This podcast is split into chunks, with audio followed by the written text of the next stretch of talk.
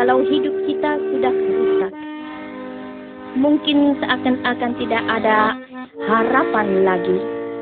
Seakan-akan sebagai berkat suatu bejana yang sudah hancur. Namun Tuhan sebagai penjunan dapat membentuk kita, dapat menjadikan kita suatu berkat, suatu bejana yang berguna.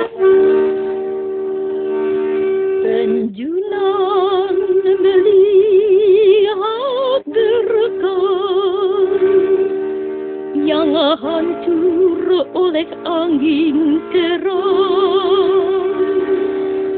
Dengan kasih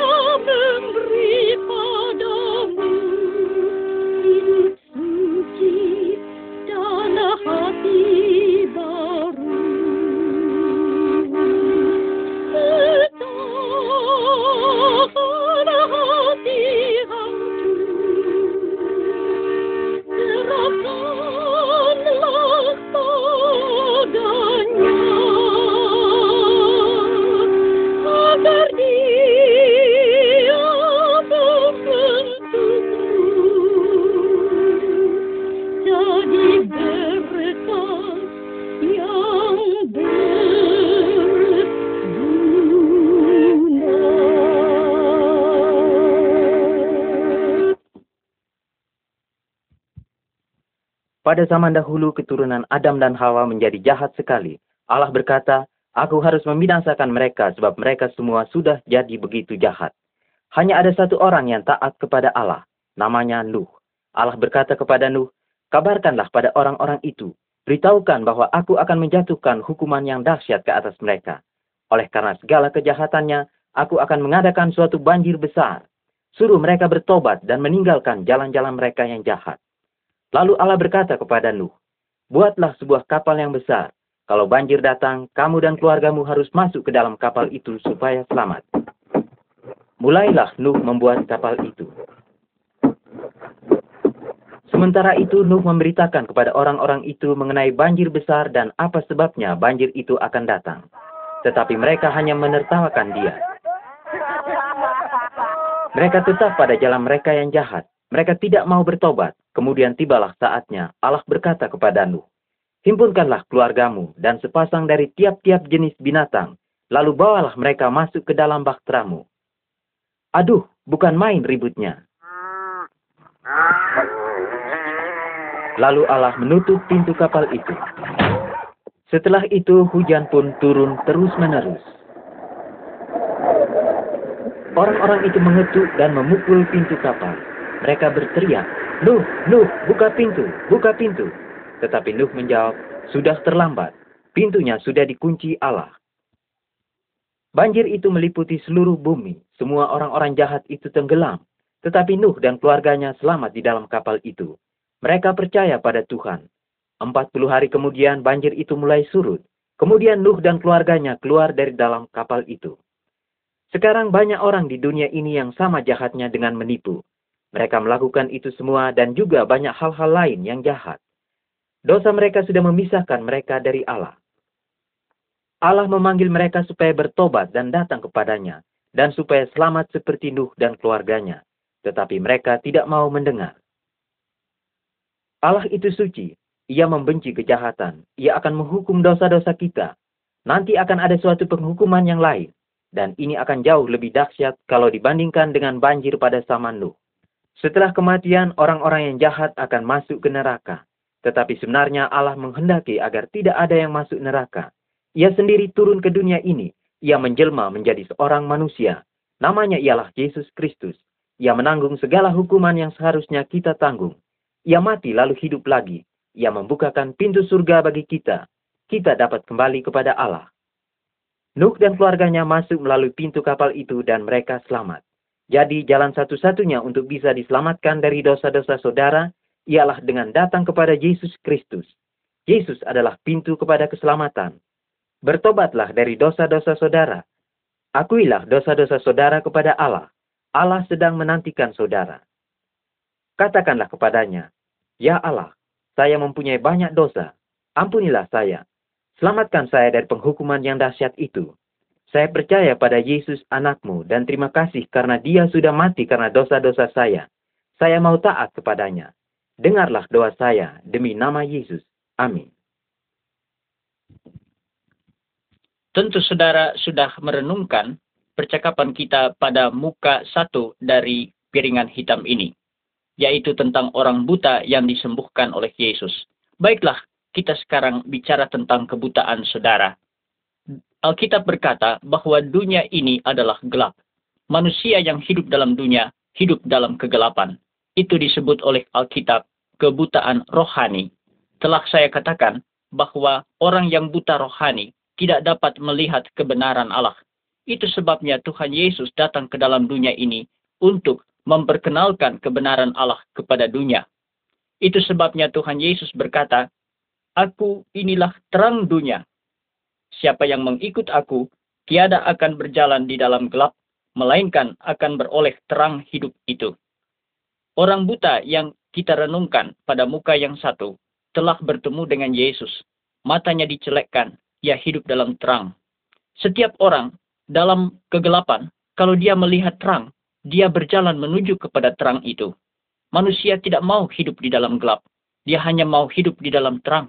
Kegelapan membawa ketakutan dan kegelapan membawa kecelakaan. Bagaimanakah dengan saudara? Mungkin saudara tidak sadar bahwa saudara hidup dalam gelap, tetapi kalau saudara memandang pada diri sendiri, segala sesuatu yang saudara lakukan dan pikirkan dan katakan, itu adalah perkara-perkara yang gelap. Dosa adalah perkara yang gelap, yang menakutkan oleh karena dosa akan dihukumkan. Dan hal itu membawa kecelakaan pada diri saudara. Tetapi kalau saudara melihat terang dunia, yaitu Tuhan Yesus Kristus, yang sendiri berkata, aku inilah terang dunia, dan saudara mau ikut dia, maka saudara akan berjalan di dalam terang, mengenal akan terang Allah, dan hidup di dalam terang Allah, hidup di dalam kebenaran, dan akhirnya saudara akan sampai ke dalam terang yang kekal, yaitu di surga, yang disediakan oleh Tuhan Yesus bagi setiap orang yang mau percaya kepada dia. Tuhan Yesus berkata, aku ini pergi untuk menyediakan tempat bagimu. Saudara mengira juga bahwa Yesus tidak bisa berbohong, bukan? Nah, kalau saudara percaya bahwa Yesus tidak bohong, percayalah bahwa Yesus juga mau sediakan tempat bagi saudara. Maka dengan demikian, saudara betul-betul hidup dalam terang Allah, sekarang ini di dunia dan nanti di dalam surga. Apakah artinya hidup di dalam terang Allah? Hidup di dalam terang Allah berarti hidup di dalam kebenaran. Mengenal kehendak Allah, dan sanggup melakukan kehendak Allah. Banyak orang berkata, saya tidak dapat melakukan kehendak Tuhan. Tetapi Tuhan Yesus berjanji bahwa barang siapa yang mengikut dia akan mendapat kesanggupan oleh kuasa Tuhan Yesus sendiri untuk melakukan kehendak Allah. Karena Tuhan Yesus berpegang kepada janjinya, ia berkata, Aku akan memimpin kamu, yaitu dengan perantaraan roh kudus yang dia karuniakan kepada setiap orang percaya.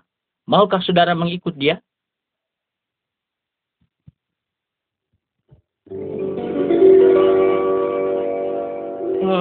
Aku bersyukur atas kasih yang nyata dalam almasih terlimpah sehingga berlebih bagiku yang hampa letih.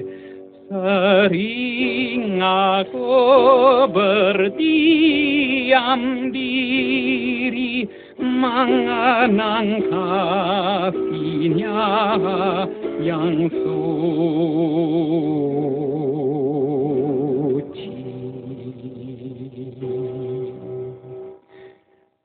Asimuto anta carpari dalam mohido coinda Poseran habita opasi aparica signata amba hidupku indah. Ku heran tapi tahu pasti Hari kasihnya tambah Syukurlah ku ucapkan kini pada yang berkasih abadi.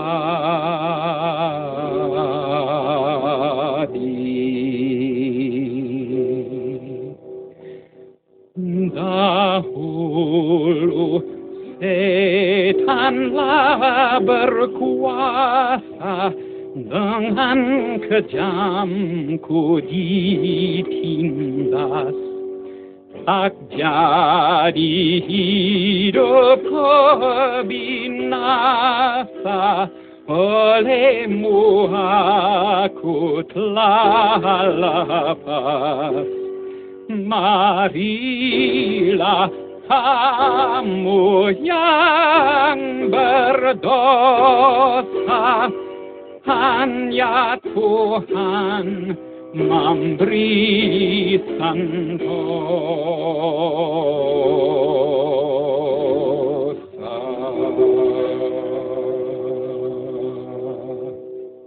Tuhan Allah telah mengirim anaknya ke dalam dunia ini. Di dalam kasihnya, kasih Kristus telah dinyatakan kepada kita dengan korban, korban dirinya sendiri. Seperti Tuhan Yesus pernah berkata, tidak ada kasih yang terlebih besar daripada ini, bahwa seorang menyerahkan hidupnya bagi sahabatnya.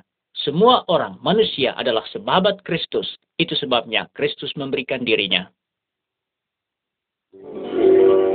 Ya haleluya Nama Yesus menghibur hati yang rusuh Dan bagi yang telah ditebus Ada harapan yang teguh Bahagia yang mau menerima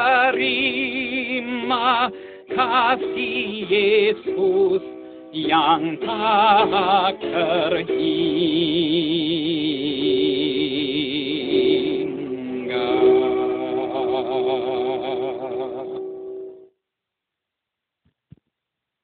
Pernah saya lihat suatu poster, dan pada poster itu terlihat suatu tangan yang memegang roti. Di bawah gambar itu tertulis, Gandhi berkata, titik dua, manusia membutuhkan roti. Dan di bawahnya, Yesus berkata, titik dua, aku inilah roti hidup. Ya, memang Tuhan Yesus sudah berkata demikian Hal itu kita baca di dalam Injil Yahya bahwa Tuhan Yesus berkata, "Aku inilah roti hidup." Pada suatu hari, ada banyak orang sedang mendengarkan pengajaran Tuhan Yesus. Tuhan Yesus mengajar mereka tentang kerajaan Allah dan tentang kebenaran Allah. Dan mereka begitu asyik mendengarkan Yesus sampai mereka tidak sadari bahwa hari sudah mulai menjadi gelap dan menjadi malam. Dan mereka sudah harus pulang ke kampung masing-masing yang jauh. Tetapi kalau mereka berjalan pulang tanpa makan, pasti banyak di antara mereka akan sakit. Itu sebabnya Tuhan Yesus berkata, janganlah mereka pulang dulu, mereka harus makan dahulu. Dan murid-murid menyadari bahwa mereka tidak dapat memberi makan sebab tidak ada cukup roti. Hanya ada beberapa ketul saja dengan beberapa ekor ikan. Tetapi Tuhan Yesus mengambil beberapa ketul roti dan beberapa ekor ikan itu Lalu ia memberkatinya dan suruh murid-muridnya membagi-bagikan roti itu kepada lima ribu orang itu. Apa jadi? Alkitab menyaksikan bahwa setelah sisa-sisanya dikumpulkan, terdapat dua belas bakul sisa-sisa roti. Beberapa ketul menjadi banyak. Apakah Tuhan Yesus hendak katakan dengan perbuatan itu? Sebenarnya dengan secara berbuat Tuhan Yesus memberitahukan kepada dunia bahwa dialah adalah roti hidup, yaitu dialah sumber hidup. Mengapa Gandhi berkata manusia memerlukan roti? Oleh karena manusia hanya dapat hidup kalau ada makan. Manusia mempunyai sumber hidup, yaitu makanan. Tuhan Yesus berkata bahwa dialah sumber hidup. Dialah makanan untuk kehidupan yang benar, untuk kehidupan yang kekal, dan untuk kehidupan di dalam kebenaran. Mengapa Yesus katakan dia adalah roti hidup? Roti itu dipecahkan. Roti itu harus dikunyah. Roti harus dimakan. Demikian juga diri Tuhan Yesus. Dikunyah. Yaitu dia dipatahkan. Dia punya hidup dipatahkan. Dia dibunuh. Dia mati di kayu salib. Dia mati supaya kita peroleh hidup. Kalau saudara makan makanan, saudara kunyah makanan itu dan menelannya, boleh dikatakan bahwa roti atau makanan itu mati masuk ke dalam perut saudara. Tetapi oleh kematian, makanan itu saudara peroleh hidup. Demikian juga dengan Tuhan Yesus. Dia mati dan dikuburkan supaya saudara dan saya boleh hidup. Maukah saudara terima roti hidup itu? Maukah saudara pergantungkan saudara punya hidup, baik di dunia ini maupun hidup kekal, kepada roti hidup, yaitu Yesus Kristus, Juru Selamat saudara?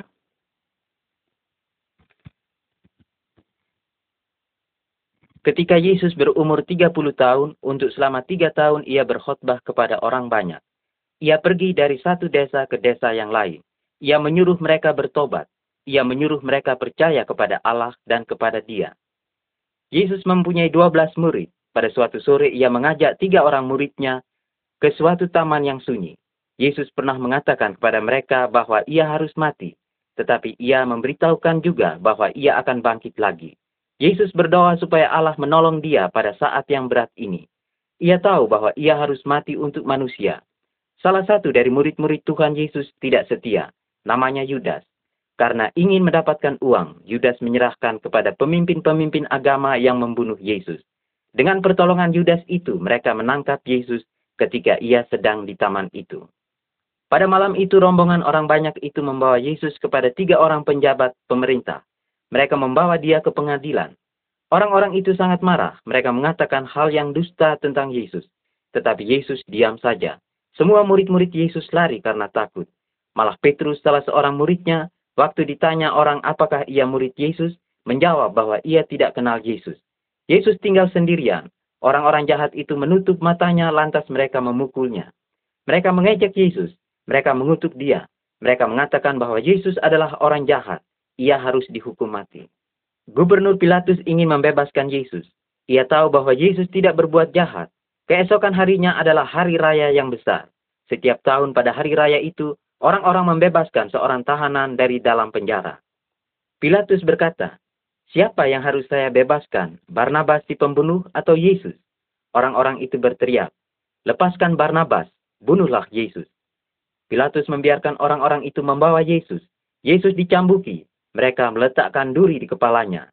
Orang-orang itu membawa Yesus ke sebuah bukit yang bernama Golgota. Di situ mereka memakukan dia pada kayu salib. Waktu itu hari masih pagi. Yesus tergantung di salib selama kira-kira enam jam.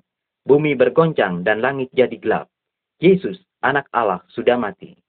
Tetapi Yesus tidak tetap tinggal mati. Pada hari yang ketiga ia bangkit dari antara orang mati. Ia lalu pergi kepada murid-muridnya. Ia berjalan dan berbicara dengan mereka. Mereka senang sekali melihat Yesus hidup lagi. Yesus makan dengan murid-muridnya. Ia menegur mereka sebab mereka tidak ingat akan apa yang dikatakannya.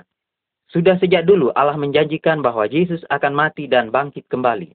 Sebelum Yesus kembali ke surga, ia menyampaikan kata-kata ini kepada murid-muridnya. Pergilah ke seluruh dunia, sampaikan firman Allah itu kepada mereka. Beritahukan bahwa sekalian orang sudah berdosa, tetapi beritahukan mereka bahwa aku sudah mati karena dosa-dosa mereka. Mereka yang percaya bahwa aku adalah juru selamatnya akan dapat hidup yang kekal dan diperdamaikan dengan Allah. Tetapi murka Allah akan menimpa mereka yang tidak percaya kepadaku. Mereka itu akan mati. Sekarang ini orang-orang Kristen ingat kapan Yesus mati dan bangkit lagi. Mereka ingat saat Yesus menghapus dosa mereka dan membuat hati mereka jadi baru. Mereka tahu bahwa sekarang Yesus ada di surga dan mendengar doa-doa mereka. Ia menunjukkan jalan yang terbaik bagi mereka. Apakah Anda milik Yesus? Percayalah bahwa ia mati karena dosa-dosa Anda dan mintalah dia sekarang ini masuk ke dalam hatimu. Ia akan memberikan kehidupannya ke dalam diri Anda, dan Anda akan menjadi miliknya.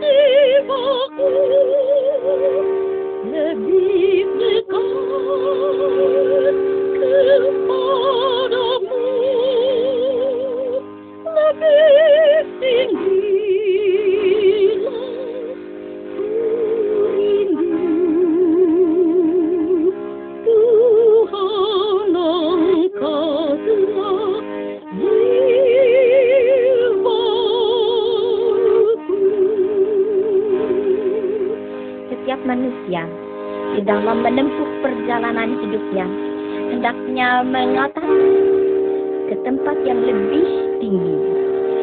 Di sana Tuhan menanti membawa kita supaya kita boleh tumbuh di dalam anugerah dan kebenarannya. Janganlah kita tinggal di tempat yang penuh sesal, tetapi mempunyai tujuan ke tempat yang tinggi itu.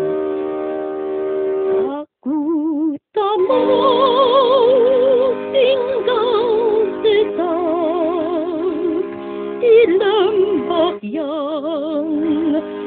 penuh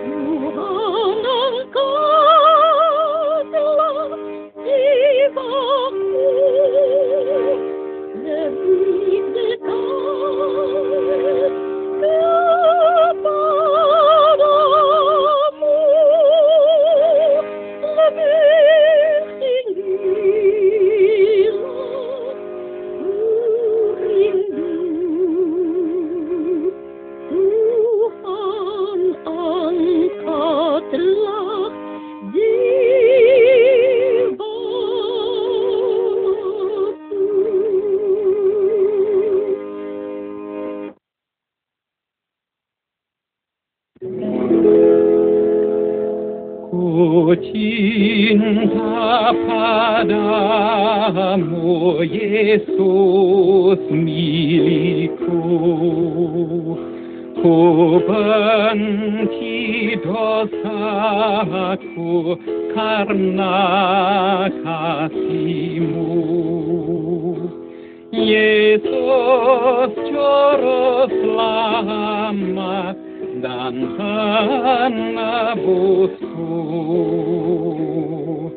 Ku cinta padamu, Yesus milikku.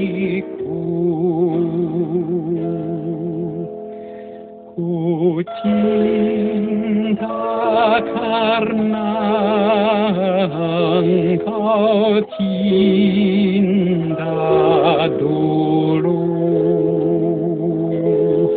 dosaku tertebus dengan darahmu Dori kau kenakan karena dosaku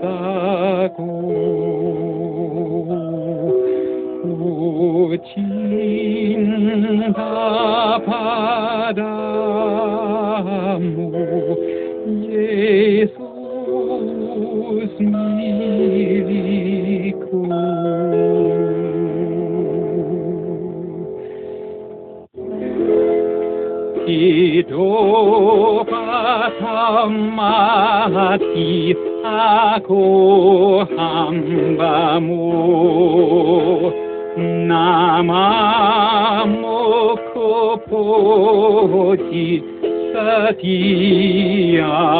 waktu ya sampai ajalku tetap cintaku cinta padamu Yesus diriku Kasih adalah milik yang paling indah yang manusia bisa dapat. Kalau seseorang menyatakan kepada orang lain, aku mengasihi dikau, bukan main. Itu adalah suatu hal yang indah sekali, bukan? Tuhan Allah sudah menyatakan kepada manusia, kepada saudara, pribadi, dan kepada saya, aku mengasihi engkau. Itu sebabnya Tuhan memberikan dirinya mati di kayu salib untuk saudara dan saya. Tetapi Tuhan menantikan jawab. Jawabnya dari saudara punya hati sendiri. Tuhan Yesus, aku mengasihi dikau.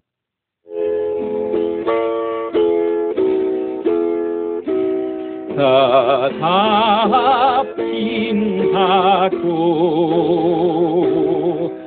ku cinta padamu Yesus milikku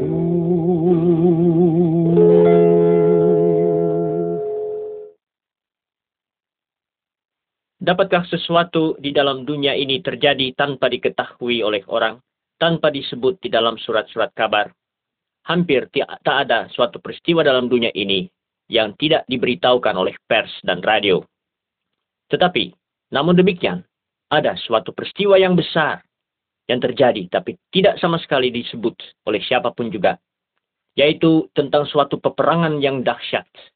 Peperangan itu mempengaruhi seluruh kehidupan manusia, itu adalah suatu konflik di dalam setiap orang. Konflik antara baik dan jahat. Kedua kekuatan ini masing-masing berusaha merebut jiwa manusia. Yesus Kristus anak Allah adalah panglima dari angkatan kebenaran. Sedangkan iblis, raja kegelapan adalah panglima angkatan kejahatan. Satu kali kelak, kemenangan Kristus akan nyata. Tetapi, sementara ini, konflik itu berjalan terus.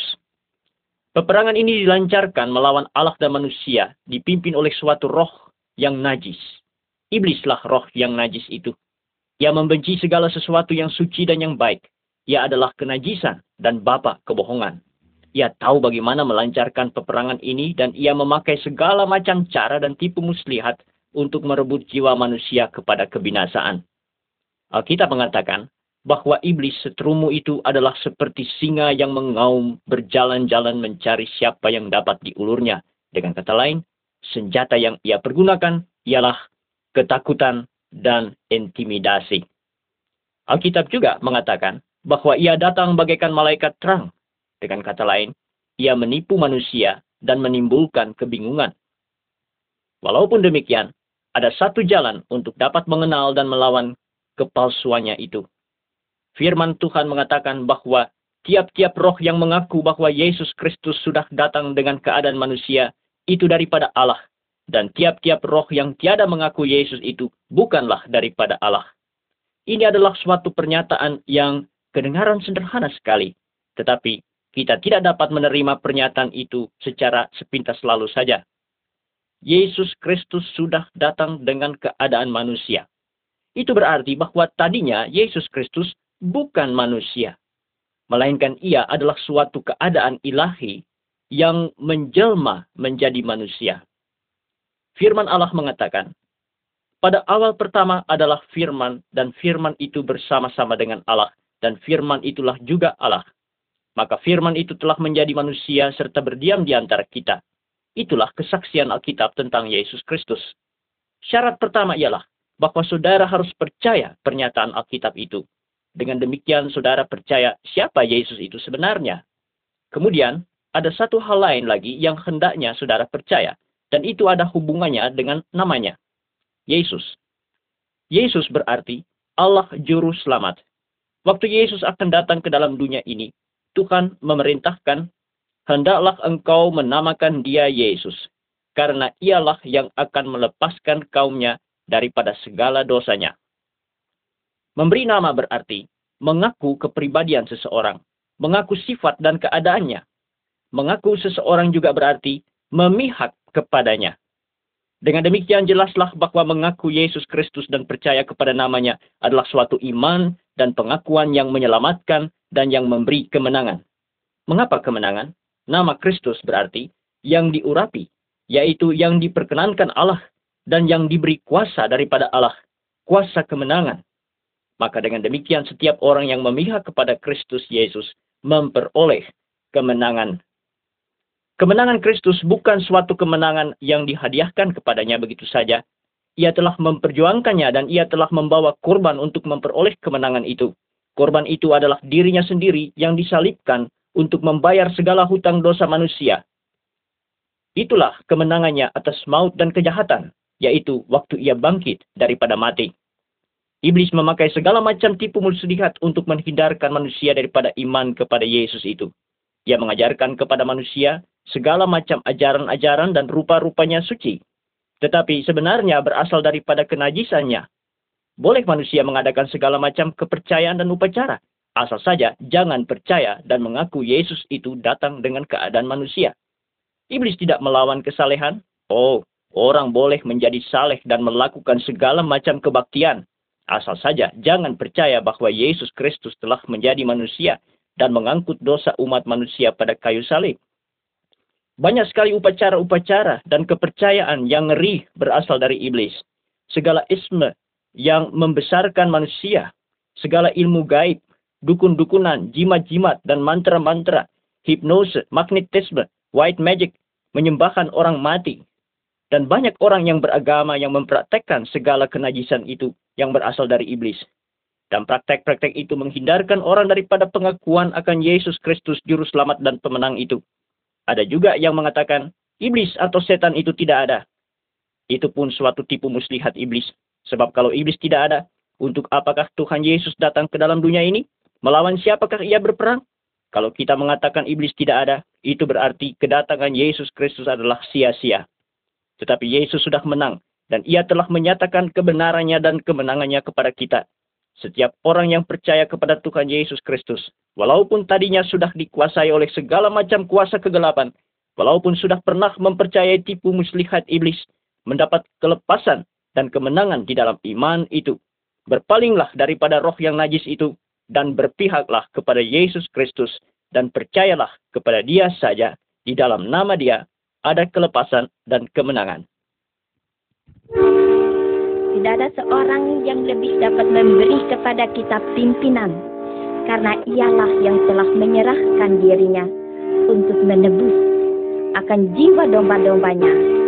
Ialah Yesus, gembala yang baik.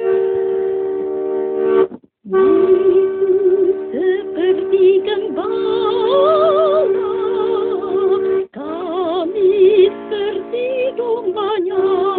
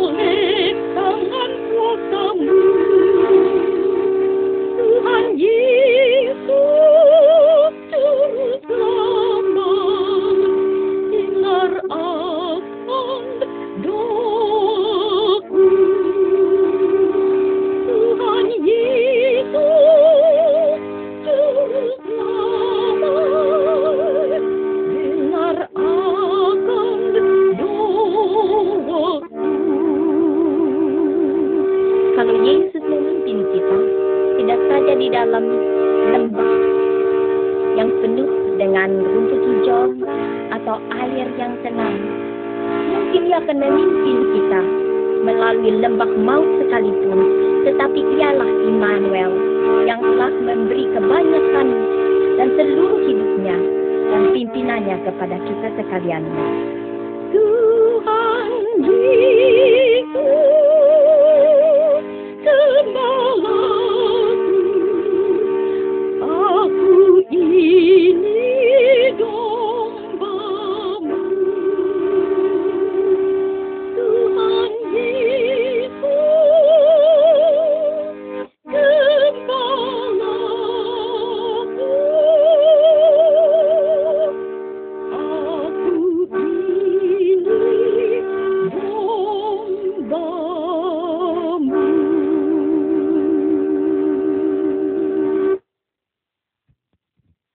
Saudara-saudara sekalian, ini adalah suatu cerita yang sungguh terjadi. Pada suatu malam di zaman dahulu, ada beberapa gembala menjaga domba-dombanya. Tiba-tiba dari langit terpancar suatu cahaya yang terang sekali. Malaikat Allah berkata, Jangan takut, bersukacitalah. Pada hari ini sudah lahir juru selamat. Inilah tandanya. Ia dibungkus dan dibaringkan di palungan di kandang binatang. Lalu serombongan malaikat Allah mulai memuji Allah dengan mengatakan, Kemuliaan bagi Allah dan damai di bumi di antara manusia yang berkenan kepadanya. Lalu para gembala pergi ke kota Bethlehem. Di situ mereka melihat Yesus Kristus, anak Allah, terbaring di dalam palungan. Setelah mereka melihat bayi yang dilahirkan dari seorang perawan itu, mereka sangat heran. Kepada setiap orang mereka mengatakan, Juru Selamat sudah datang. Ketika Yesus sudah dewasa, ia berkeliling sambil berbuat baik, menyembuhkan yang sakit, mencelikkan yang buta, bahkan menghidupkan orang-orang yang sudah mati. Banyak orang dengan senang mengikuti Yesus, tetapi para pemimpin agama benci dia. Tuhan Yesus memberitahukan kepada para pengikutnya bahwa pada suatu hari ia akan membiarkan orang-orang jahat membunuh dia. Tetapi pada hari yang ketiga, ia akan bangkit dari antara orang mati. Teman-temannya tidak mau percaya. Lalu pada suatu malam Yesus ditangkap. Ia dibawa ke pengadilan dan diperkarakan dengan tidak adil. Ia disiksa lalu dihukum mati seperti seorang penjahat. Walau sebenarnya Yesus Kristus tidak pernah berdosa. Kaki dan tangannya dipakukan pada kayu salib yang ditegakkan. Di dalam kesengsaraannya ia mati. Tetapi kesengsaraan Yesus secara rohani jauh lebih besar daripada siksaan tubuhnya. Sebab pada diri Yesus yang tiada berdosa itu, Allah meletakkan dosa seluruh umat manusia. Lalu hukuman atas dosa itu ditanggungkan pada Yesus. Dengan menumpahkan darahnya, Yesus sudah membayar segala hutang dosa kita. Tetapi pada hari yang ketiga, Yesus bangkit dari antara orang mati. Banyak orang melihat dia dan makan dengan dia. Empat puluh hari kemudian ia kembali ke surga dengan penuh kemenangan. Saudara-saudara sekalian, Tuhan Yesus Kristus adalah satu-satunya juru selamat dunia. Ia membuktikannya dengan kelahirannya dari seorang perawan, dengan kehidupannya yang tanpa dosa, dan dengan kematiannya pada kayu salib. Dan akhirnya dengan kebangkitannya yang mengherankan itu, maut tidak dapat menahan Tuhan Yesus. Mengapa? Sebab ia adalah Allah. Sekarang ini Tuhan Yesus ada di dunia ini, yaitu melalui roh kudus. Ia berkuasa untuk menyelamatkan saudara. Tinggalkan dosa-dosamu hari ini juga. Berserulah kepada Tuhan Yesus. Terimalah dia sebagai satu-satunya juru selamat saudara. Ia akan menyucikan saudara daripada segala dosa. Roh Kudus akan masuk ke dalam hati saudara untuk mengkuatkan saudara.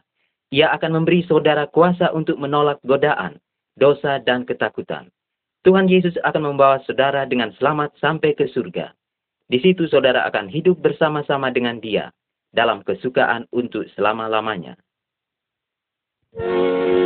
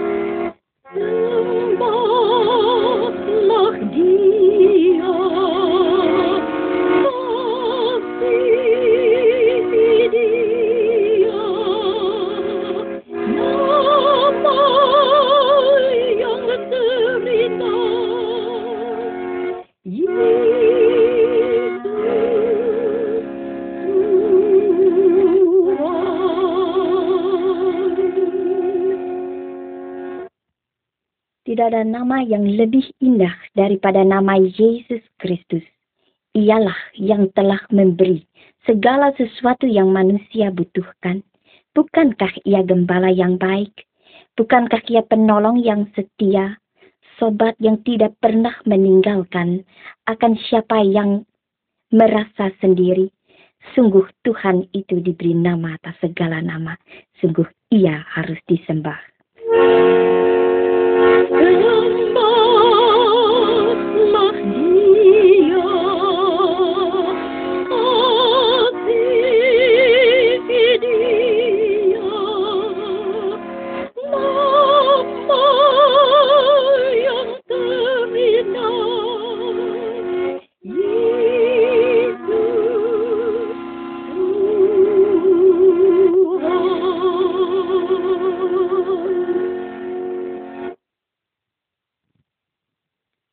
Tuhan Allah ada di surga. Ialah yang menjadikan segala sesuatu yang hidup. Ada banyak macam tumbuh-tumbuhan dan pohon-pohon. Ada banyak ikan, burung, dan binatang lainnya. Semuanya itu berbeda-beda. Tuhanlah yang menjadikan semuanya. Manusia adalah ciptaan Allah yang istimewa. Allah telah menjadikan manusia menurut gambar dan rupanya sendiri. Tuhan telah memberikan manusia kekuasaan atas segala ciptaannya yang lain. Manusia tidak hidup dan mati sama seperti binatang sebab manusia mempunyai roh. Kalau seorang manusia mati, rohnya tidak mati, melainkan pergi ke suatu tempat yang disediakan oleh Allah. Satu tempat adalah baik, tetapi yang lainnya adalah buruk. Manusia takut akan mati. Banyak orang berkata, apakah jadi setelah aku mati? Banyak yang berkata, alangkah baiknya jika ada seseorang dari alam maut yang dapat menceritakannya kepada saya. Nah, saya ingin ceritakan kepada saudara tentang Tuhan Yesus, anak Allah yang tunggal, Ialah yang satu-satunya yang telah kembali dari alam maut. Kita tahu bahwa ia mati di kayu salib lalu ia dikuburkan. Tetapi setelah tiga hari ia bangkit dan hidup lagi. Tuhan Yesus menunjukkan kepada orang banyak bekas-bekas lukanya di rusuknya, di tangannya, dan di kakinya. Ia bukan hantu, sebab ia makan dan berjalan biasa serta bicara biasa dan bertemu dengan lebih dari 500 orang. Ialah yang satu-satunya yang telah berbuat demikian karena ia adalah Allah. Bagi Tuhan hal ini tidak sulit. Tuhan telah menjadikan segala sesuatu, Tuhan memberi hidup kepada segala sesuatu yang dijadikannya itu, maka Tuhan pula yang memberi hidup baru kepada orang yang telah mati. Tuhan Yesus datang ke dalam dunia ini untuk memberi kita hidup baru, yakni hidupnya sendiri. Jikalau kita memiliki hidupnya itu, maka hidup kita tiada akan berakhir. Hidup baru itu tidak dapat dibeli dan tidak dapat pula diusahakan. Jikalau kita menerima roh Kristus untuk mengambil tempat di hati kita, maka kita menerima hidup Kristus. Tuhan Allah telah menyediakan suatu tempat bagi iblis dan bagi semua orang yang menolak hidup baru yang disediakan oleh Tuhan Yesus. Tetapi Tuhan sediakan satu tempat yang mulia bersama dengan dirinya, bersama dengan Tuhan Yesus bagi semua orang yang mau percaya dan menerima hidup dari Tuhan Yesus itu. Yang manakah saudara pilih? Jaminan mulia kudiberi Yesus milikku dan aku kini Tebusan Allah waris surga Lahir baru oleh darahnya kami masyurkan, kami puji kasih Tuhan kepada kami. Kami masyurkan, kami puji kasih Tuhan kepada kami menyerah penuh pada Tuhan hati jadi penuh kegirangan turun malaikat dari surga mewartakan rahmat dan cinta kami masyurkan, kami puji. Kasih Tuhan kepada kami. kami masyurkan, kami puji. Kasih Tuhan kepada